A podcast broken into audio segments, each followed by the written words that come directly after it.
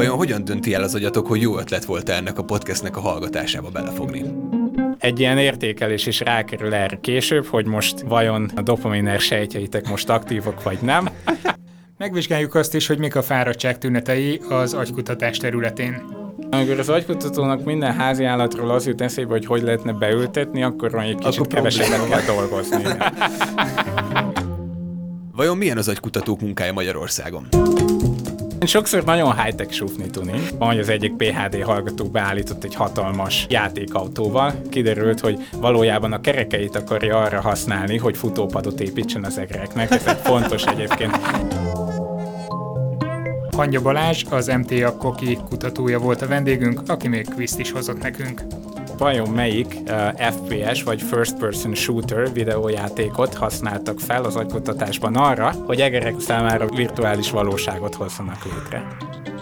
Sziasztok, én Habci vagyok. Én pedig Robi Laci. És fent van még mindig a honlapunkon az a kérdőív, amire arra próbálunk egy kicsit több információt szerezni tőletek, hogy mi mit szerettek a podcastjénkbe, vagy mire lennétek még inkább kíváncsiak. Illetve mi az, amin változtatnátok. Igen, és ez még a héten, ugye? Még hét, hétvégéig lesz ez fent, és ki lehet Igen, hát szombaton Fehérváron leszünk a Szerkó challenge akkor biztos, hogy nem nyúlok hozzá, de akkor vasárnap lezárom a felmérést, és nekiállok az adatok elemzésének. Igen, mik, mik, mik látszódnak eddig, Laci? Valamit el tudsz árulni? Hogy hát próbálom visszafogni ki? magam, hogy ne nagyon nézzem, mert így, ilyenkor ugye úgy érzem, hogy a gazda szeme hízlalja a jószágot, aztán folyamatosan nézem a, a változásokat.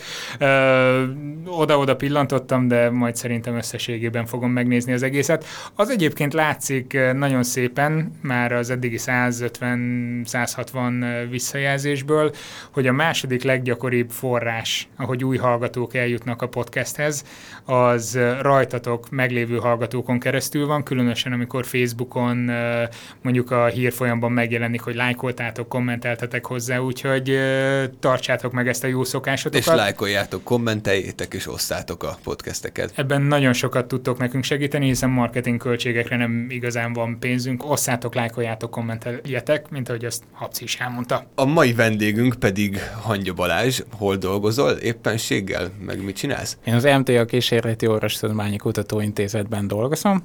Ott vezetem az újonnan alakult lendület rendszer neurobiológia kutatócsoportot. Ez már szerintem megérne egy teljes adást, hogy ezt kifejtsük, hogy miről is szól. Hát, ebben az az érdekes egyébként, hogy úgy hívják angolul ezt a területet, hogy Systems Neuroscience. Miért, miért Systems, miért rendszerek?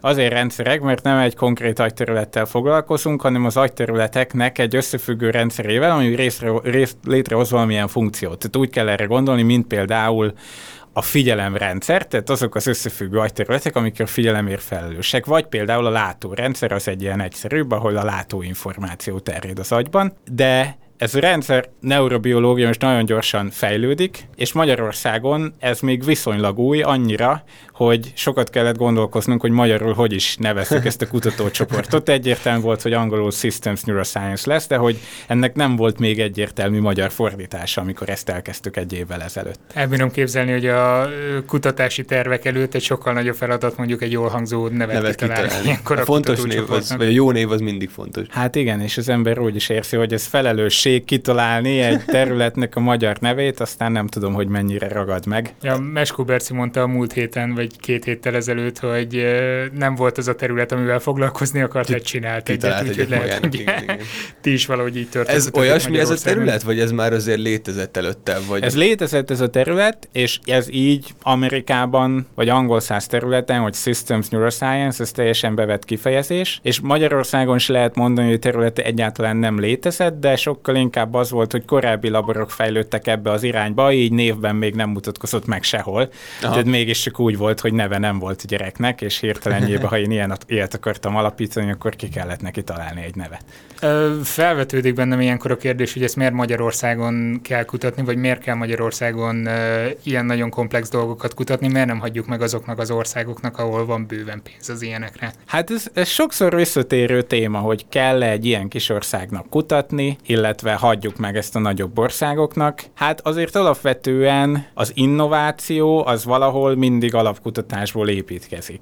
Tehát, hogyha feladja az ország az alapkutatást, akkor nagyon hátrányos pozícióba kerülünk innováció területén is. Tehát azt képzeljétek el, hogy akkor át kell venni más országoktól az alapkutatási eredményeket, és azt felhasználni innovációban. Hát nem ciki egyébként, de vajon mi leszünk gyorsabbak, vagy az az ország, amelyikben maga az alapkutatás zajlik. Tehát mm-hmm. vajon, vajon gyorsabban át tudjuk-e venni, mint ők építkeznek abból, amit már elkezdtek, még mikor mi nem is tudtunk róla, nyilván abszolút versenyhátrányba kerülnénk ezzel. De egyébként az agykutatás, meg a neurobi- neurobiológia az utóbbiakban itthon abszolút top ö, kategória így világviszonylatban, ezt jól mondom. Ugye a lendületprogram hát is azért... nem csak az utóbbi időben, hanem Ugye egyébként nagy hagyománya van. Igen, igen. Igen, az agykutatás az régóta Magyarországon nagyon jól működik, és nagyon jól megy. Hát alapvetően történelmi okai vannak, voltak nagy iskola. Ez egy jó Régen is Egyébként de voltak, voltak nagy iskola alapító neurobiológusok, például Szent Ágotai János, sokan az ő tanítványai, vagy Rastyán Endre. Tehát ezekből ki tudtak nőni olyan iskolák, aminek köszönhetően most is az élmezőnyben van mondhatni a magyar neurobiológia. Ennek ellenére te nem itthon kezdted, vagy itthon kezdted, de innen mentél Amerikába? Én itthon kezdtem, és ez nem is teljesen véletlen, hogy, hogy ezt kezdtem el abból a szempontból, hogy kipróbáltam többféle dolgot, ezt láttam, hogy nagyon jól megy, ezáltal ez itt nagyon izgalmas is volt, nagyon érdekelt, és akkor ebben maradtam így benne. Itt kezdtem el, tehát itt csináltam a PHD-met is, és utána töltöttem és a négy és fél PHD-det azt milyen területen csináltad, mert hogy te alapvetően matematikus vagy, és orvos, tehát hogy ezt próbálod így igen, ez, igen, ez így is alakult, hogy a PHD témám az úgy jött, hogy az a csoport, ahol dolgoztam, Frany Tamás csoportjának egy, egy alcsoportja, a matematikus szakon hirdetett, kifejezetten olyan embereket kerestek, aki, akik matematikai analízist tudnak végezni és ezen felcsillant a szemed, és gyorsan elvégezted az orvosit is? A biológiai adatokon. Fordít volt egyébként, az orvosira kezdtem előbb járni, és utána kezdtem el a matematikus szakot. Furcsa egyébként, pont nem, nem így szokott lenni. De akkor láttam, hogy ez a párosítás esetleg erre az állásra pont jó, és úgy kezdtem el, ennek megfelelően a PHD témám elég absztrakt is volt. Tehát az, az bizonyos agyhullámoknak a matematikai elemzése volt. Ezek az agyhullámok, ezek ugye abban fontosak, hogy a különböző agyterületek hogy kommunikálnak egymással, úgyhogy ezt elemeztük viszonylag mélyen. Megnéztem volna a védésedet, a orvos tudományi részhez értők a matematikai résznél aludtak el, a másik fél pedig pont fordítva. Egyébként nagyon jó bírálóim voltak, a, főleg például a KFK-ból, Uh-huh. Tehát úgy néz ki, hogy pont sikerült fizikusokat találnom, Igen. akik megértik a matematika, meg biológiai részét is viszonylag jól, úgyhogy végül is ilyen szempontból nagyon elégedett voltam a védéssel. De akkor nem volt probléma. Nem, Jó, tehát ilyen szempontból abszolút működött a dolog. És akkor ezután mentél uh, Cold Spring Harborba? Igen, ezután mentem posztdokálásra Cold Spring Harbor laboratóriumba, az egy uh, viszonylag kicsi privát non-profit laborusában, egyébként ott nagyon ismert, bár itt valószínűleg nem sokan hallottak róla. Mondjuk, Laci, te pont hallottál róla, mert azt beszéltétek még az adás előtt, hogy egymáshoz közel voltatok ott. Igen, nem? ezt, ezt beszéltük, hogy én Oyster Bay-ben laktam, ami szintén New York állam Long Island részén van, néhány tíz kilométerre talán, vagy még Hát, vagy inkább se. három. Tehát, hogy nem csak, hogy... Jó, én Oyster Bay-nek a másik felén laktam, tehát ott a Planting Fields Arboretum környékén, úgyhogy... Úgy lehet, hogy New York ilyen gyűjtőhelye a magyar fizikus, matematikus, Kertészmérnökként voltam ott. Jó, kertészmérnök, igen, de a Milos is a fizikus barátom, igaz, igaz, volt igaz, igaz, igaz. De még most is ott van, ott jár egyetemben. És ott milyen tapasztalataid voltak? Mert hogy mondtam a Sapci, hogy magyaroknak gyűjtőhelye, azért ott is egy magyar vonatkozású kutatócsoportban voltál. Igen, hát ez majdnem véletlen igazából. Én voltam az egyetlen magyar így a csoporton belül, bár valóban a csoportvezető Kepecs Ádám is magyar származású. Genfben találkoztunk először egy konferencián, volt valami parti, aminek a végén valahogy csak magyarok maradtak. Ez, ja, ez jellemző, ez tipikus. hogy Isten Fermi volt az, amikor valami uh, uh, atomkutatói megbeszélésen azt mondta, hogy uraim, nekem most el kell menni, folytassák nyugodtan magyarul a beszélgetést. nem, nem vagyok benne biztos, hogy Fermi volt el, de... Mi is egy ilyen partin találkoztunk egyébként, emlékszel, Laci? Ajaj. Visszatitok. És mi, mi lett ennek a partinak a kimenetele? Hát sokat beszélgettünk, és uh, bár nem pontosan ugyanúgy emlékszünk az eseményekre, de valahogy a vége az lett, hogy igazából innentől számítva két évvel később, de csatlakoztam Ádám laboratóriumához, akkor beszéltünk arról, hogy én miket tanultam, őt mik érdeklik a laborban, mikkel foglalkozik, és így végül is a kölcsönös érdeklődés az két év alatt egy ilyen nekem egy ilyen nagy váltásban csúcsosodott ki, hogy átköltöztem Amerikába, hogy ott végezzek egy ilyen posztdokálást. Jó volt? Szeretted kint a légkört, meg a, meg a kutatást, meg így egyébként? Vagy? Jó volt, nagyon-nagyon sokat tanultam, ez egy nagyon jól menő laboratórium, egy nagyon jól menő intézet, a Cold Spring Harbor Laboratórium összességében. Ezt egyébként nem tudtam ilyen egyértelműen, mikor kimentem, sok mindent nem tud az ember, és közben derül ki, tehát nagyon hasznos volt az amerikai élet, az egy más kérdés abból a szempontból, hogy tulajdonképpen nem ismertem meg olyan nagyon, mert ez egy nagyon nemzetközi kutatóintézet, másfelől viszont egy kicsit elszigetelt itt a uh, amerikai vidéki élet New Yorki változatában. Ja, ja. dolgozni kellett, nem nézelődni a Tehát uh, Manhattan egy órára van vonattal, tehát oda tulajdonképpen be lehet menni, ha már az ember nagyon nem tud mit csinálni ott kint Long Islanden, de egyébként... ezt, ezt alátámasztom, ez így van. Egyébként végül is sajnos sok szempontból nem ismertem meg igazából az amerikai társadalmat. És a kutatási területed, amivel foglalkoztál, azt azért mélyebben megismerted ott, gondolom, mi az, ami leginkább érdekelt ott téged, illetve a csoportot? Tehát érdekes módon én úgy mentem ki, hogy az állati, illetve emberi viselkedésről és annak a, a neurobiológiájáról nem sokat tudtam. Tehát, mint mondtam, én ilyen nagy hullámokkal foglalkoztam, absztrakt módon hogyan kommunikálnak agyterületek egymással, és nekem itt a megértési szintem abból a szempontból meg is állt, hogy én úgy nem tettem nagyon különbséget a között, hogy egy egér az csak úgy rohangál, meg hogy megtanul valamit, és valami konkrét feladatot végez. Tehát én ezen a területen tanultam nagyon sokat, itt ebben nagyon jók, hogy különböző, nagyon specifikus dolgokra tudják ezeket az egereket megtanítani. Van egy olyan terület, amit úgy hívnak, hogy rákcsáló kogníció, ez viszonylag új, és ez részben onnan származik, ez ugye ennek az a lényege, hogy egereket és patkányokat is meg lehet tanítani nagyon bonyolult gondolkodással kapcsolatos dolgokra, amit nem gondoltak korábban, ezek a kutatások mind majmokon zajlottak azelőtt úgyhogy ezen a területen hihetetlen sokat lehet ott tanulni. A rákcsálók azért olcsóbbak és szaporábbak valószínűleg, mint a főemlősök. Igen, ez, ez, ez mind a kettő igaz, egész más megközelítéssel is végez egyébként az emberkutatás, tehát hogy a majmokat fél évig tanítanak az egyszerű feladatokra is, aminek egyébként a nagy része azzal telik el, hogy egyáltalán rávegyük a majmokat, hogy kooperáljanak bármilyen formában. A rákcsálókat olyan szempontból könnyebb rávenni, hogy nem olyan erősek és agresszívek, tehát könnyebb, uh, könnyebb őket bizonyos feladatok elvégzésére késztetni. Mindazonáltal ugye általában rövidebb idő áll rendelkezésre egy-egy kísérlet elvégzésére, tehát azért még mindig alapvetően egyszerű feladatokra tanítjuk a rákcsálókat, mint a majmokat, de ugye sokkal hát, nagyobb számokat lehet elérni a rákcsálókkal ezáltal, hogy Mondasz nekünk valami példát, hogy milyen feladatokat kellett végrehajtania, illetve hogy hogy, hogy vizsgáltátok utána őket, mert mondtad, hogy neked tök mindegy volt, hogy az fut vagy valamilyen feladatot végez, de onnantól kezdve, hogy néztél bele az én, agyába. Én olvastam egy, egyik cikkben egy ilyen mondatot, és ezt a akarom majd, hogy arra szeretném megkérni, hogy magyarázd el, hogy optogenetikai módszerekkel bazális, a bazális előagyban kolinerg neuronokat vizsgáltatok. igen, nagyon jó. Akkor megpróbálom igen, igen, pont ez volt a lényeg, köszönjük szépen viszont hallásra. Megpróbálom összekötni a kettőt, hogy eljussunk a viselkedéstől a bazális előagyig és a kolinerg neuronokig. Milyen trükkökre tanítjuk az egereket? Meg lehet tanítani őket ilyen viszonylag egyszerű feladatra, hogy hallgatnak kétféle hangot, az egyikre, ha reagálnak, jutalmat kapnak, a másikra, ha reagálnak, büntetést kapnak. Ez ugye eddig nagyon egyszerű, ezt az egerek megtanulják. Ezt gyakorlatilag pillanatok alatt.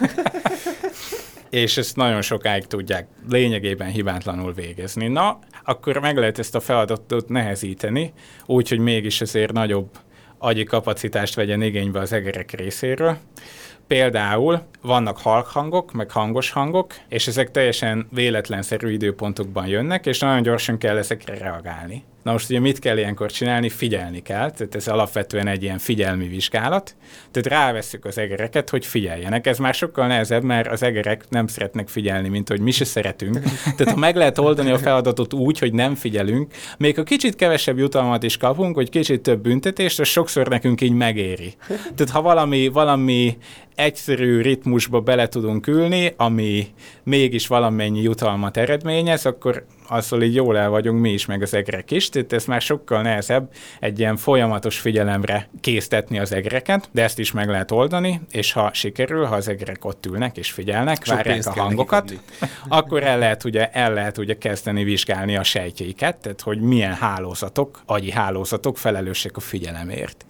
Na most... De ezt gondolom in vivo kell néznetek, mert ha megölitek szerencsétlen egeret, akkor... Hát ez abszolút in vivo, tehát a megölt egér már nem, nem se nem figyel, se nem tanul, tehát ott több probléma is felmerült, tehát ez, ezek való igaz teljesen in vivo kísérletek, és hát akkor meg lehet figyelni olyan sejteket, amikről gondoljuk, hogy a figyelembe játszanak szerepet. Egy ilyen elméletünk volt, hogy ez a bizonyos bazális előagy, aminek mint a neve is mutatja bazális, tehát az agy alján van, előagy, tehát az előagynak az alján van, innen a neve. Ennek bizonyos sejtjei lennének felelősek figyelemért, ez volt a feltevés. Na most háromféle idegsejt van ilyen nagyon durva leegyszerűsítésben, ami a bazális előagyra is igaz. Vannak a serkentősejtek, meg a gátlósejtek, meg vannak a bonyolult sejtek. Gondolom téged elsősorban a, a bonyolult, bonyolult sejtek igen, érdekeltek. Igen, mi a bonyolult sejtekkel foglalkoztunk. A bonyolult sejteket sokszor úgy hívják, hogy neuromodulátoros sejtek, ami azt jelenti, hogy olyan molekulákkal kommunikálnak, ami se nem egyértelműen besorolható, mint gátló, se nem egyértelműen besorolható, mint serkentő. Ezért ezért hívják modulátornak, valamit modulál, ami annak a szinonimája, hogy nem értjük pontosan, hogy mit csinál. Ilyen típusú sejtek, ezek a koliner sejtek is, ez a modulátornak az egyik típusa, úgyhogy mi speciál pont ezzel foglalkoztunk. Azt olvastam még ezen kívül, hogy a te módszered különleges volt, illetve egyedülálló az, amit erre kitaláltál, hogy ezeket a sejteket vizsgálni tudjuk. Ezt el tudod kicsit magyarázni, hogy ez miért egyedülálló és miért volt, miért volt különleges? Igen, hogy egész pontos legyek, ezt nem csak én találtam ki, ezt többen párhuzamosan kitalálták, de az egyik, az egyik ilyen születési helye az ott volt a környéken, abban az épületben, ahol én dolgoztam, ahol mi többen ezt próbáltuk alkalmazni több különböző rendszerben. Ennek az volt a lényege, hogy azonosítjuk valahogy ezeket a sejteket típus szerint in vivo. Ugye ezek a kulcs szavak, amiket mondtam, in vivo, mert in vitro tudjuk őket azonosítani, de akkor már késő, ugye, mint megbeszéltük. Azonosítani, az pont azt jelenti, hogy amit mondtam, három típus, serkentő, gátló, bonyolult. Ha csak in vivo vizsgáljuk a sejtek aktivitását, általában nem tudjuk, hogy a sejt az most serkentő, vagy gátló, vagy bonyolult. Hogy ezt azonosítani tudjuk, ahhoz használtuk ezt a az úgynevezett optogenetikai technikát. Genetikai az azt jelenti, hogy valamilyen génnel lehet azonosítani a sejteket. Tehát például milyen génnel azonosítanánk az úgynevezett koliner sejteket. Tehát ez az acetilkolin, ez egy konkrét molekula a sejtben, amit valahogy képződik. Tehát vannak olyan fehérjék, amik ezt legyártják. Most ha vannak olyan fehérjék, amik ezt legyártják, akkor kell legyenek gének, amikről ezek a fehérjék átíródnak. Na most ezeket a géneket lehet azonosításra használni. Mert ugye ezek a gének csak ezekbe a sejtekbe fognak működni, uh-huh. pont ettől lesz egy sejt koliner, vagy nem koliner. Tehát innen jön a genetikai rész az optóból, az optogenetikaiból. Mitől, mitől optó? Tehát attól optó, ugye, hogy optikai módszer, tehát fényt használunk. Tehát fényel cirúgatjátok az egérnek az agyát, és nézitek, hogy mely sejtek lesznek aktívak? Az a lényeg, igen, valami ehhez hasonló, tehát fényt lehet bevezetni az agyba, és fényjel aktiválni lehet egy genetikailag definiált sejtípust. Tehát most ebben az esetben fényjel tudjuk aktiválni a koliner sejteket. Tehát hogy történik ez? A koliner sejtekben kifejeztetünk valamit, amitől ez a sejt fényre reagál, ugye?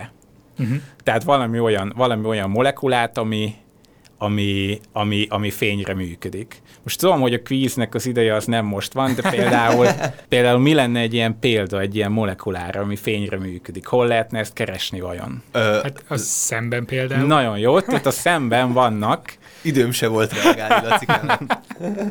A szemben vannak az úgynevezett fotoreceptorok, amik a, amik a rodopszin családba tartoznak, amik ugye fényre működnek. Ehhez hasonló molekulákat használunk erre. A szemben levők azok speciál egy kicsit lassúak, a szem egyébként megdöbbentően lassan működik, ilyen agyi skálákon, úgyhogy a szem helyett bizonyos fényre reagáló baktériumokból vettek ki ehhez hasonló molekulákat, amik a szemnél sokkal gyorsabban tudnak fényre reagálni, és akkor ezeket a fényre reagáló rodopszínszerű molekulákat lehet bejuttatni a kolinek sejtekbe, és akkor már csak egy feladat van, fényt jutatunk az agyba, és akkor ezek a sejtek válaszolnak. Ezt a fényt juttatunk az agyba, ezt hogy kell elképzelni? Nyitok egy kicsi lyukat, és azon... Zseblámpával világít. hát nem is zseblámpákat használtok, de Ami ilyen optikai szálakat visztek be, amit... Talán, nem? Igen, teljes válasz elhangzott lényegében, tehát ö, egy kis lyukon bevezetünk egy optikai szálat, abba meg belevilágítunk egy lézerrel, és így ezáltal a lézerfény sikerül fókuszáltan bejuttatni. az Haza, hazamegyünk, jó. ezután mi is csinálunk egy ilyet, ha már így tudjuk. Kumiszhoz nem nyúlhatsz. Lehet, hogy így egyszerűbb lenne programozni a kutyát, be, telenyomni eh, optikai szállal, aztán csak megfelelő lézereket kell bele- belenyomni. Én amikor az agykutatónak minden házi állatról az jut eszébe, hogy hogy lehetne beültetni, akkor van egy kicsit Akkor kevesebbet kell dolgozni. Igen. Ö, Van házi állatod egyébként? Egyébként nincs. nem, nem is lehet ezek után. Magyarországon is ezt a vonalat vi- viszitek tovább? Tehát eh, ezen a területen kutattok? Magyarországon is ezt visszük tovább, illetve olyan szempontból változtatunk, hogy a figyelem helyett sokkal inkább fókuszálunk a tanulásra. Ez a másik nagy elmélet, hogy mivel lehetnek kapcsolatban itt a bazális előagyi sejtek, illetve kolinerg neuronok, az a tanulás, és most a figyelem helyett átérünk kicsit erre, hogy a tanulás hogyan zajlik az agyban. De pontosan milyen része ennek? Vagy így komplett a tanulás, vagy csak bizonyos dolgokra fókuszáltok, vagy egyáltalán szét lehet ezt így választani, hogy nem tudom, hogyha egy pedált kell lenyomjon ahhoz, hogy víz kapjon, akkor az, és az egy különböző, mint az mondjuk, hogyha egy hangra kell valahogy reagáljon. Szét lehet választani, szét is választják, sokféle tanulással foglalkozunk. Nagy részt úgy lehet hívni ezeket, hogy asszociatív tanulás, tehát ezekből az egyik alaptípus, amit úgy hívnak, hogy Pavlovi kondicionálás. Ez attól Pavlovi, hogy a kimenetel valójában nem függ az állatok vagy emberek válaszreakciójától, tehát valamilyen valószínűséggel jutalom, illetve büntetés történik, és ezt az állatok megtanulják. Ezzel szemben van az operáns kondicionálás, ami attól operáns, hogy az, hogy jutalmat kapunk, és úgy.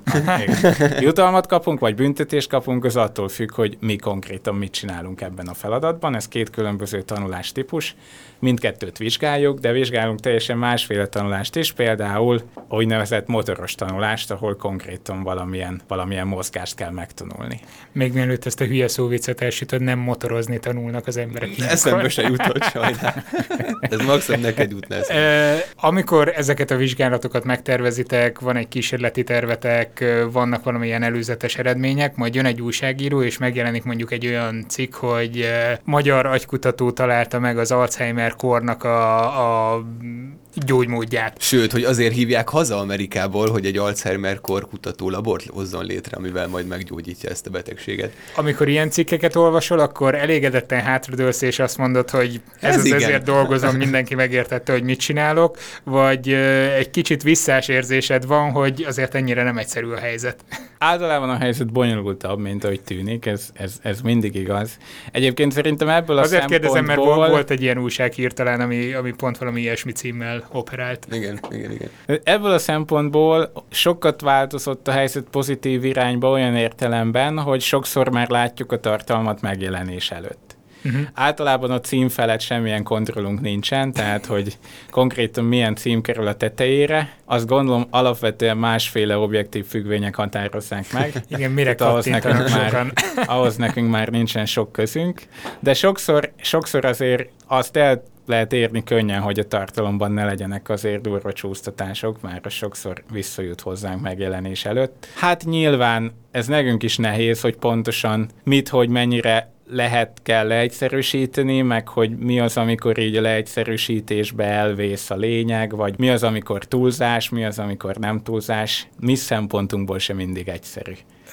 Mi akkor a kapcsolat mondjuk az Alzheimer-kor, meg a ti kutatásaitok között? És megtaláltátok-e a gyógymódot? Tehát konkrétan az teljesen igaz, hogy amit én a lendület pályázatban javasoltam, annak van egy ilyen kifutása, hogy Alzheimer modellben vizsgáljuk ezeket a sejteket. Tehát ennek van három konkrét célja ennek a lendület kutatásnak, és a harmadik ezek közül az, hogyha már valamit megértettünk koliner és nem koliner bazális előagyi sejtekről, akkor, akkor megnézzük, hogy Alzheimer modell egerekben, tehát olyan egerekben, ahol genetikailag létrehoztuk valamit, ami szerintünk hasonló az Alzheimer korhoz, abban tulajdonképpen ezek a sejtek hogyan viselkednek. Ez még mindig alapkutatás, tehát hogy még mindig, még mindig preklinikai, tehát hogy ezután, hogyha abból jönne valami érdekes, akkor lehetne ráépíteni valami klinikai jellegű kutatást. Tehát ezt nem úgy kell elképzelni, hogy akkor így az öt éves lendület pályázat végére hirtelen kijön egy gyógyszer. Tehát az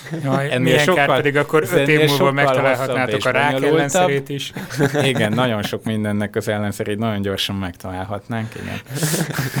Tehát öt év múlva még nem találjátok meg mondjuk az Alzheimer-kornak a megfelelő gyógyszerét, de mi az a szint, amit el tudtok érni közérthető formában, hogy mit tudtok megtalálni mondjuk egy patkány tanulási mechanizmusánál, amit párhuzamba lehet állítani az emberi gondolkodással, illetve tanulással? Hát igazából egész konkrétan nekem van egy olyan ötletem, hogy esetleg meg lehetne úgy ingerelni ezeket a koliner sejteket, hogy az valahogy segítse a tanulást, illetve a kognitív funkciókat beteg emberekben években. Ez nyilván abszolút csak ötlet szintjén van, nyilván nem csak az én ötletem, de hát ebbe az a speciális, hogy nem tudjuk, hogy tulajdonképpen hogy is kéne őket megingerelni. Tehát, hogy ahhoz, hogy tudjuk, hogy hogyan is ingereljük meg őket, tudni kéne, hogy hogy viselkednek normálisan. Tehát itt jön Aha. össze a kettő, hogy először megnéznénk, hogy normálisan mit csinálnak, amit nem nagyon tudni, és akkor az lenne Miért az ötlet, nem? hogyha ahhoz hasonlóan ingerelnénk meg, akkor esetleg lenne valami. Tehát öt év alatt így ezt tudjuk tesztelni. Hát azért nem egyébként, pont mert ez új módszer, hogy hogy lehet őket azonosítani. Tehát, hogyha nem tudjuk Jö, őket világos. azonosítani in vivo, akkor nem is tudjuk megmondani, hogy hogy működnek normálisan. Tehát az itt a rákfené a dolognak, hogy ezek nagyon kevesen vannak, ezek a koliner sejtek, tehát hogyha csak úgy véletlenszerűen elvezet az ember valamilyen sejtaktivitást, akkor azért nagy a valószínűsége, hogy nulla koliner sejtet fog elvezetni. Azt elmeséled nekünk, hogy hogy néz ki mondjuk a csoportodnak egy átlagos napja, vagy hete, vagy valamilyen munkaegysége? Tehát, hogy hányan vagytok a csoportban, bementek hétfő reggel, megbeszélitek, hogy ki hol pipettáz, meg hol uh, metszegeti az egéragyakat, vagy, vagy uh, hogy néz ki nagyjából nálatok egy ilyen akcióterv? Ez úgy néz ki, mindenkinek van tulajdonképpen saját témája, tehát mindenki a saját témáján dolgozik, van két posztok és két PHD hallgató. Ez egész pici van, csoport. Van egy többé-kevésbé összefüggő vagy független saját témájuk, és ebben próbálnak minden nap haladni. Tehát bemennek, és lehet, hogy valamit építenek, vagy valamit próbálnak építeni, vagy keresik az alkatrészeket ahhoz, amit építeni szeretnének. Ez időnként egészen vicces, tehát hogy van, hogy, a, van, hogy az egyik PHD hallgató beállított egy hatalmas játékautóval, és egyrészt betegre röhögtük magunkat, aztán kiderült, hogy valójában a kerekeit akarja arra használni, hogy futópadot építsen az egreknek. Ez egy fontos egyébként, ez egy fontos lépés, mert... Edzitek is őket amellett, hogy tanítjátok? Jó, jó egyrészt, kondiba kell legyenek. Egyrészt szeretnek futni, tehát kényelmesebben érzik magukat, hogyha, hogyha tudnak valami mozogni, akkor is, hogy közben más feladatot csinálnak. Másrészt ebből származik egy olyan kérdés is, hogy hogyan is változik mégis a feldolgozás az agyban, akkor, amikor egy helyben állnak, akkor, amikor futnak, illetve így az állapotukat is tudjuk valamennyire követni, tehát mm. ez, mhm. egy, ez egy ilyen fontos fontos alfeladat ezt megoldani, úgyhogy persze megjelent ezzel a, ezzel a, ezzel a játékautóval, aztán később kaptam levelet az ellátási osztályról, hogy tényleg játékboltba vásárolunk-e, és magyarázzam meg mégis, hogy ez mire kellett. Ilyennel ilyen találkoztál nagyon... Amerikában például, hogy indokolni kellett, hogy te miért vettél, ha nem is játékautót, de valamit, vagy ott foglalkoznak azzal, hogy... Én nem találkoztam vele, de nem tudom igazából, hogy, hogy lehet vele találkozni, mert ott nem ezen a szinten voltam. Tehát ez a, a kutatók be vannak zárva A csoportvezető találkozik, és az emberek meg csak veszik a játékautókat, de, de ott is abszolút előfordul, hogyha játékautót kell venni, akkor játékautót kell venni. Vagy ha, a titkárnőt, ő megveszi. Vagy ha a legjobban legóból lehet valamit megépíteni, akkor legóból építjük meg. De ti építetek magatoknak a laborban műszereket és eszközöket ahhoz, hogy bizonyos vizsgálatokat elvégezzetek? Ez Mi rengeteg dolgot és van? rengeteg műszert építünk. Ennek van egy nagyon jól megfogható oka, tehát sokszor mi műszert is fejlesztünk. Aha. Azért, mert minden kísérlethez kicsit más kell, és természetesen hozzáállhatunk úgy, hogy megvárjuk, amíg minden kereskedelmi forgalomba kerül, majd megvesszük. Csak így nagyon nehéz egyébként élvonalban maradni, mert így ugye le vagyunk maradva ahhoz, azokhoz képest, akik fejlesztették. Akik Tehát szinte meg. minden fejlesztés úgy történik az idegtudományban, hogy valamilyen labor megcsinálja, csinál belőle egy kis spin-off céget, a cég nagyobbra nő, teljesen leválik a kutatásról, majd árulja a termékeket, és azt aztán megveszi mindenki. Ha mi vagyunk ez a mindenki, aki azt aztán megveszi, akkor le vagyunk maradva ahhoz a laborhoz képest, aki eredetileg fejlesztette. És ha bemegyünk hozzátok minden ilyen sufni tuning kinézetű? Attól még persze lehet vele jó eredményeket elérni, csak kíváncsi vagyok, hogy ilyen high-tech labort képzeljünk el, vagy egy inkább egy fából és vasból összerakott ilyen. Ezt azért kérdezem, mert uh, például voltam benne egy ismerősömnél Lisszabonban a Champalimu intézetben, ami egy nagyon csillog a szemed, egy nagyon híres és neves idegkutató intézet, és ott például ez az ismerősöm szemetes kukákból, kartonlapokból és egy Arduino-ból rakott össze csótányoknak egy olyan labirintust, ahol a csótány mozgása alapján gyulladnak fel a fények, vagy lesz sötét, hogy azzal az tudja mérni a tudom, valamilyen reakció idejüket, úgyhogy nagyon, nagyon tetszett, hogy egy ilyen szuper high-tech épület, ami nem tudom hány építészeti díjat nyert, belülről a legmodernebb felszerelések, és, és ilyen szemetes kukákból, ragasztószalakból, meg ilyenekből összebuherált. Egyébként, mikor én voltam a kokiba, én is voltam ott az egyetem alatt egy rövid ideig ö, dolgozni, akkor nem emlékszem, hogy lett volna ilyen, hogy ö, nagyon szép pedáns rend volt, sehol semmiféle ö, Ezzel szemben Balázséknál. Ezzel szemben Balázséknál Abszolút sufni tuning. Jól felvezettük ezt az egyet nem mondatot. Egyébként sokszor nagyon high-tech sufni tuning. Tehát, uh, uh, sokszor úgy néz ki, hogy össze van építve mondjuk a, az olcsó Lego a még olcsóbb játékautóval, a nem túl drága Arduino-val, meg esetleg egy ezer dolláros lézerrel. Tehát, uh, Jól nézhet. Mindig, mindig, mindig, ami kell, de, de tuning az mindig. Tehát a, a, a, a Boeing gyár is egy, és egy kis uh, pajtában indult, úgyhogy azt is körülbelül így képzelem el, úgyhogy ez is abszolút a, abszolút a sufni tuning kategóriába esik. Nekünk a laborunk az most len van az alaksorban, úgyhogy ezt úgy kell elképzelni, hogy így mentek a csövek között, és akkor egyszer csak itt van egy ilyen nagy sufni tuning, de hát ami kell hozzá, az azt veszük igénybe. Na jó, most ezeken jól elherészünk, de azért elég jó helyeken szoktatok publikálni, vagy legalábbis már volt nagyon-nagyon rangos publikációitok is. Ja, igen, én semmiképp sem akarom azt a benyomást kelteni, hogy a sufni tuning az rossz vagy negatív, tehát hogy az, az igazából mérnöki fejlesztésnek is lehet nevezni, mint ilyen szinonimat. Tehát uh, sokszor az kell hozzá, Persze, hogy egy adott, használtok. Sokszor az kell hozzá, hogy egy adott feladatot a lehető leghatékonyabban és egyben költséghatékonyan is beállítsunk az egereknek. Tehát sokszor olyan dolgok, amik nem érhetők el, vagy csak sokkal drágábban elérhetők, vagy sokkal kevésbé rugalmasan elérhetők. Egy ilyen nagy kulcs szó a rugalmasság igazából. Tehát, hogyha ezt magunknak építjük, és ismerjük a forráskodját, például a viselkedés kontroll eszközöknek, vagy a lézer kontrolláló eszközöknek, akkor ugye meg tudunk csinálni bármit, amit elképzelünk, és holnapra kész. Neked mennyit segít az, hogy van egy matematikusi vénád? Nem orvosi értelemben vénád, persze. Nekem nagyon sokat segít, egyébként nem a sufni tuningban, ahhoz talán a mérnöki véna segít a legtöbbet, és pont ezt egyébként általában a gyengémnek érzem, mérnök pont nem vagyok. A matematikusság az egyébként nagyon sokat segít az elméletben, tehát nagyon sokat segít abban, hogy hogyan elemezzük a sejteket, mert ugye ezek a sejtek úgy néznek ki, ezek ugye akciós potenciálokat tüzelnek, amik ilyen kis nagyon rövid elektromos tüskék, tehát ezt úgy kell elképzelni egy sejtnek az aktivitását, hogy vagy van ilyen tüske, vagy nincs. Tehát ezek gyakorlatilag leírhatók ilyen nulla egy sorozatokként, és akkor az ember a kísérlet végén ott áll egy csomó ilyen hosszú digitális nulla egy sorozattal. Tehát ebből valami értelmet kell kinyerni, és ez azért a matematika az hihetetlen sokat tud segíteni. Ö, felírtam magamnak egy ilyen mondatot, hogy hogy dönti el az agyam Balázs, hogy biztos jó ötlete volt téged meghívni ide a műsorba.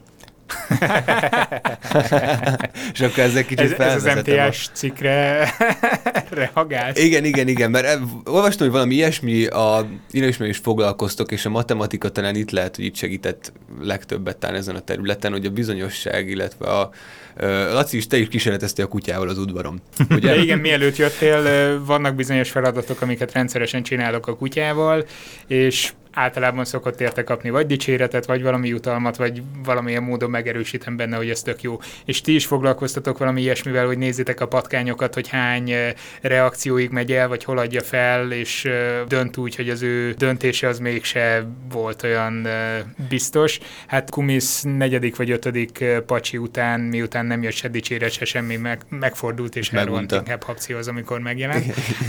Igen, ez nagyon jó, de ez ehhez hasonló kísérleteket csinálunk mi is egyébként. Tehát, hogy hogyan is dönti el az agyat, hogy jó ötlet volt-e meghívni. Ugye az a fontos, hogy minden döntésnél van ehhez kapcsolódóan valamilyen érzésünk azzal kapcsolatban, hogy mennyire vagyunk biztos ebbe a dönt, ebben a döntésben. Ezt ugye mire próbáljuk alapozni? Nyilván korábbi tudásunkra a világról, tehát lehet, hogy utána néztetek, hogy miket mondtam korábbi műsorokba, és akkor láttátok, hogy hát úgy elmegy, kicsit unalmas, meg néha úgy nagyon száraz és technikai, kicsit túl sok a biológia, de mondjuk erre a hétre nincs jobb ötletünk, akkor, akkor hát egy olyan ötös skálán van egy ilyen hármas bizonyosságunk, hogy ez egy, egy hosszú jó, listából választottunk hogy, ez egy ilyen, hogy ez egy ilyen jó ötlet lehet-e.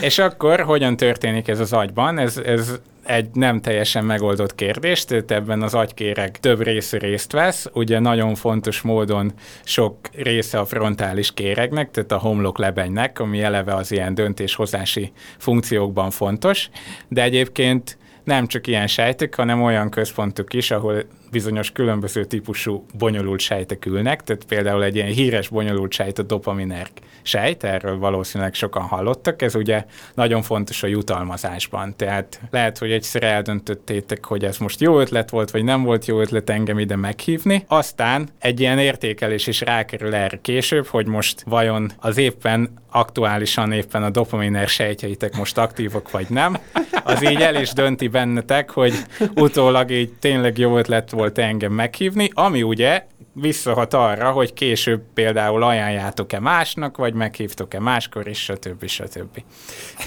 Hát jelenleg szerintem a dopamin épp elönti az agyunkat. Nekem is teljesen. Nem is látok tőle szinte már.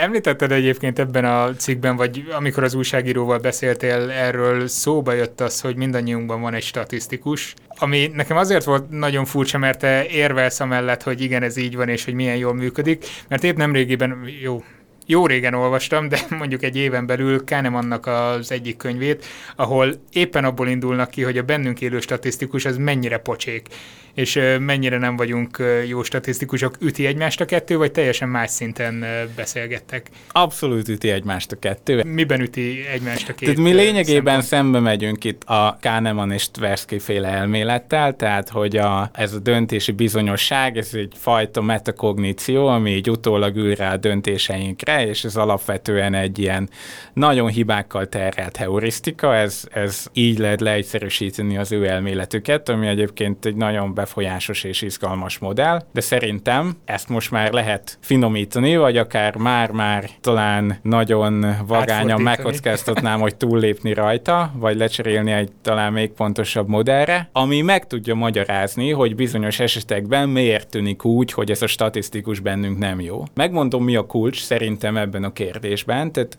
ami nagyon fontos, hogy alapvetően az agyunkban élő statisztikus, ez az alapján működik, ahogy az agyunkban leképeződnek a dolgok. Ezt a kísérletező nem tudja közvetlenül vizsgálni, ehhez nekünk nincs közvetlen hozzáférésünk, ez csak az agynak van hozzáférése. Nekünk, mint kísérletezőnek, vagy mint külső ügynököknek, ahhoz van hozzáférésünk, hogy milyen ingereket prezentáltunk mi ennek a döntéshozó agynak. Ehhez pont a döntéshozó agynak nincs hozzáférése, tehát az agy csak azt tudja, hogy ez az agyban hogyan képeződött le. Tehát, hogyha azokat a változókat adatokat veszük alapul, amiket mi prezentáltunk, ami ugye a legkönnyebb, tehát mi megingereltük így az agyat, az agy hozott valami döntést, ennyire volt biztos. Ha ezt vizsgáljuk, akkor nagyon sok szempontból sokszor túl magabiztosnak, vagy sokszor túl bizonytalannak látszik az agy. Ezt viszont egészen hatékonyan meg tudjuk magyarázni úgy, hogyha valamilyen módon modellezzük ezt a belső változót. Ezt nem csak mi kezdtük el modellezni ezt a belső változót, hogy hogyan képződik le az agyban. Igazából az újdonsága annak, amit mi csináltunk, hogy meglepő módon ezt nagyon kevés matematikai feltételezéssel is meg lehet, el lehet végezni ezt a modellezést. Van az úgynevezett Signal Detection Theory, vagy jeldetekciós elmélet, ami hasonlót csinál, de nagyon-nagyon erős feltételezésekkel él, abból kiindulva, hogy hát nincs hozzáférésünk ez a belső változóhoz, csak úgy tudjuk megfogni, hogyha feltételezzük, hogy hogyan is történik ez a leképeződés az agyban. És igazából ott segített nagyon sokat a matek, hogy azt mondjuk, hogy igazából ezt egy elméleti alapon csak a definícióból, a bizonyosság definíciójából kiindulva nagyon jól lehet modellezni, hogy a belső változóktól hogyan függ ez a statisztikai mm-hmm. működés. Na, jó hosszan mondtam. Szerintünk világos volt. Világos volt, abszolút. És megalapozta azt a döntésünket is, hogy tök jó ötlet volt téged meghívni. abszolút. Neki veselkedjünk a kvíznek, szerinted? Hozták kvízt akkor nekünk, ugye? Hoztam kvíz kérdéseket. Hogy... Azt uh, egyébként most is elmondjuk, meg uh, már volt szó róla korábban az adásban, hogy még a kérdőívünk az továbbra is él, ezen a hétvégén fogjuk Fent lezárni, hogy szóljatok hozzá nyugodtan az adásainkhoz, fejtsétek ki a véleményeiteket. Ott voltak, akik jelezték, hogy nagyon szeretik a kvízzel, lehetne egy picit rövidebb és dinamikusabb, úgyhogy most lehet, hogy valami időkorlátot be fogunk vezetni a Rövidebb lesz, mert azt hiszem csak 5-6 kérdést írtam a Balázsnak, hogy készül, úgyhogy ez nem lesz. Nem lesz Még rövidebb lesz, mert csak négyel készültem. Jó, és egyet már el is sütöttünk az előbb, úgyhogy három kérdés következik. Ja, és Meskó Berci a múltkor kifog befogásolta, hogy csokiért játszunk, úgyhogy most szigorúan csak pontokért fogunk játszani. Ó, nem hoztál répát, vagy karfiót? Nem hoztam répát, meg száraz karalábét se, vagy nyers karalábét se. Na jó, öm, akkor kezdjük, mert az első kérdés. Jó, ez az első kérdés, az pont a Sufni tuninghoz kapcsolódik. és az volna a kérdés, hogy vajon melyik FPS vagy first person shooter videójátékot használtak fel az agykutatásban arra, hogy egerek számára, számára vir- virtuális valóságot hozzanak létre. Uh, de jó. Fel is soroltam néhány lehetőséget, de nyilván valószínűleg többet is tudtuk, mint én.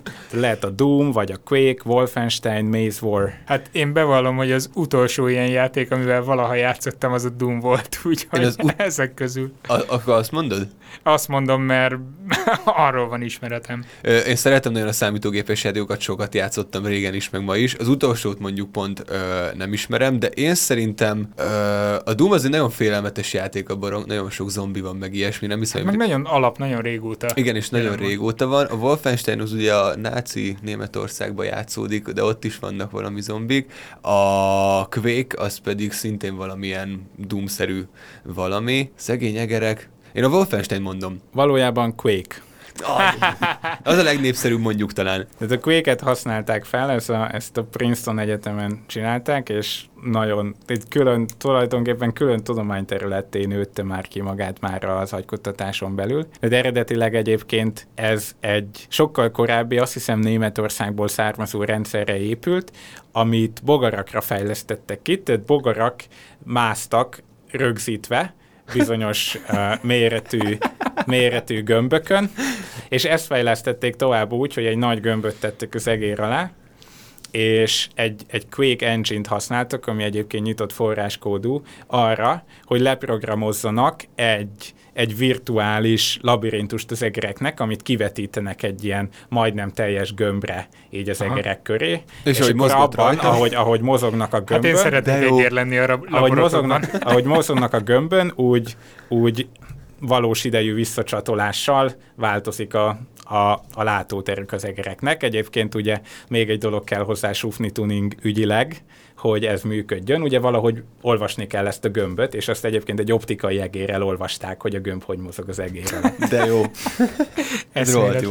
Mi a következő kérdés? Nulla-nulla az állás. Nem baj, ez így jó. A te javadra, Habci. Na, a következő kérdés, ezt a, azt az én matematikai és agy kapcsolatára próbáltam építeni. Tehát az volna a kérdés, hogy melyik érzékszervünk végez Fourier transformációt, azaz választja szét a bejövő jelet különböző frekvenciájú komponensekre. Ugye lehet ez a retina, ami ugye felbonthatja a fényt spektrális komponensekre, vagy a belső fül, ami esetleg felbonthatja a hangot magasság szerint, mondjuk a szaglóhám, ami a szagokat kémiai komponensekre bonthatja, vagy például a bőr mechanoreceptorai, ami a rezgéseket esetleg fel tudja dolgozni frekvencia szerint. Ezek közül melyik igaz? Te és, melyiket mondod? És csak egy igaz ezek közül? Ezek közül csak egy igaz. Szerintem a belső fül, a hangok. Szerintem is a hangok ott van ugye jelentősége annak, hogy a frekvencia, illetve az adott hullámhoz, illetve a felharmonikusokat. Milyen messze jut el. Igen. Így van, ezt mind a ketten eltaláltátok, tehát ez a belső fül. A belső fül végez Fourier transformációt, tehát a belső fülnek a membránja különböző szélességű, és ezért különböző frekvenciákon rezonál, és ezt egyébként ezt egyébként magyarok írták le, főleg Békési, aki Itt a ezért- Megvan a magyar vonatkozás. Nem, mint Ezért az egész adás nem ez lenne. és, uh, és ugye emiatt tudjuk például különbözőképpen érzékelni a különböző hangszerek hangját, oh. akkor is, hogyha mind a kettő A hangot játszik, mert ugye különböző a felharmonikusok aránya a különböző hangszerek transformálok esetében. folyamatosan. Jó, a következő kettő azok olyan általánosabb kérdések, tehát uh, Egy-egy az állás eddig. Igen, írom. Tehát ez, egy, ez inkább egy ilyen fizikai jellegű kérdés, hogy melyik áll a legközelebb a leggyorsabb idegi ingerület vezetéshez. Akkor felsoroltam néhány, néhány járművet, onnantól kezdve, hogy MiG-27-es, vagy utasszállító repülőgép, Forma 1-es versenyautó, TGV vonat, Mazda 6-os vagy Gepard. Laci, Ö, elpirultál, ne aggódj. nem, szerintem, Kivágjuk, rosszat szerintem annyira nem gyors. Tehát legyen a leglassabb gepárd. Az volt a leglassabb? Az volt a leglassabb. Az a volt a legelsőbb, igen. Ö, én szerintem annál egy picit talán gyorsabb lesz szerintem. Gondolod a leglassabb, vagy, vagy a leggyorsabb lesz? Én a leggyorsabbat mondom, a MiG-27-est. Na, tehát ezek szerint ez nem volt annyira könnyű. A valóság a kettő között van, tehát a legközelebb a Forma 1-es versenyautó áll hozzá egyébként, tehát a leggyorsabb idegi Parkolás ingerület vezetés az olyan 430 km per óra, vagy 100 méter per szekundum. Aha. Ennél Ez ez egy kicsit, kicsit gyorsabb. a Forma 1-es autó. Igen, ez kicsit Igen, gyorsabb, igen, igen. Mint, a, mint, a, mint a leggyorsabb Forma 1-es versenyautók, amik inkább olyan 370 km per óra körül vannak. Úgyhogy igazából elég gyors. Igen. Hát jó. De továbbra is maradt az egy-egy. Jó, nem baj, legalább nem kaptál pontot, ez vi- vigasztal. Utolsó kérdés. És utolsó kérdés, ami, ami, ami betegség vonatkozású, végül is azt is érintettük egy kicsit. Tehát az lenne a kérdés, hogy hány hatóanyagot engedélyeztek eddig Alzheimer-korra?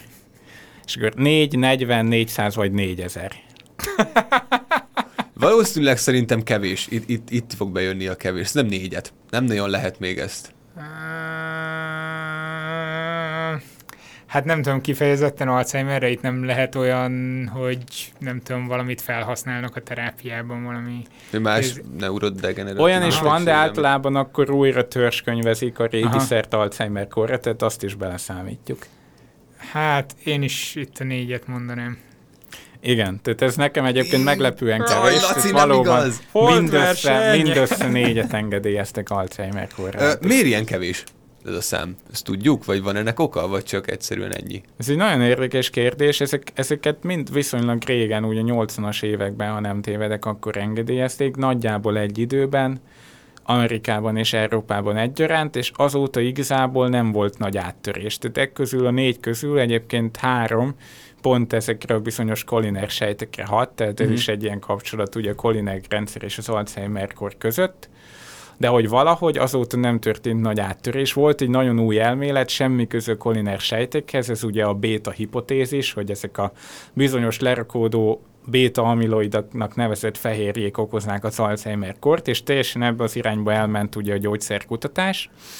És most egy pár évvel ezelőtt a harmadik fázisban körülbelül mondhatni megbukott az, az összes ebbe az irányba fejlesztett gyógyszer, úgyhogy most szerintem most várható, hogy Mekkora hogy új, Igen, igen, most várható, hogy új, új, új irányt vesz valószínűleg megint a gyógyszerkutatás. De hát mi már szerintem ez- tudjuk, hogy ez- ki hozza ez majd az meg oka. az áttörő sikert. Hangya Balázs, Balázs, öt Hangya év múlva. Balázs lesz. Igen, igen, igen. Ugye beszéltünk a szenzáció hajház újságcikkekről. Ez lesz a cím. Köszönjük szépen, hogy itt voltál velünk. Én köszönöm a meghívást. Ennyi fért a mostani podcast adásban.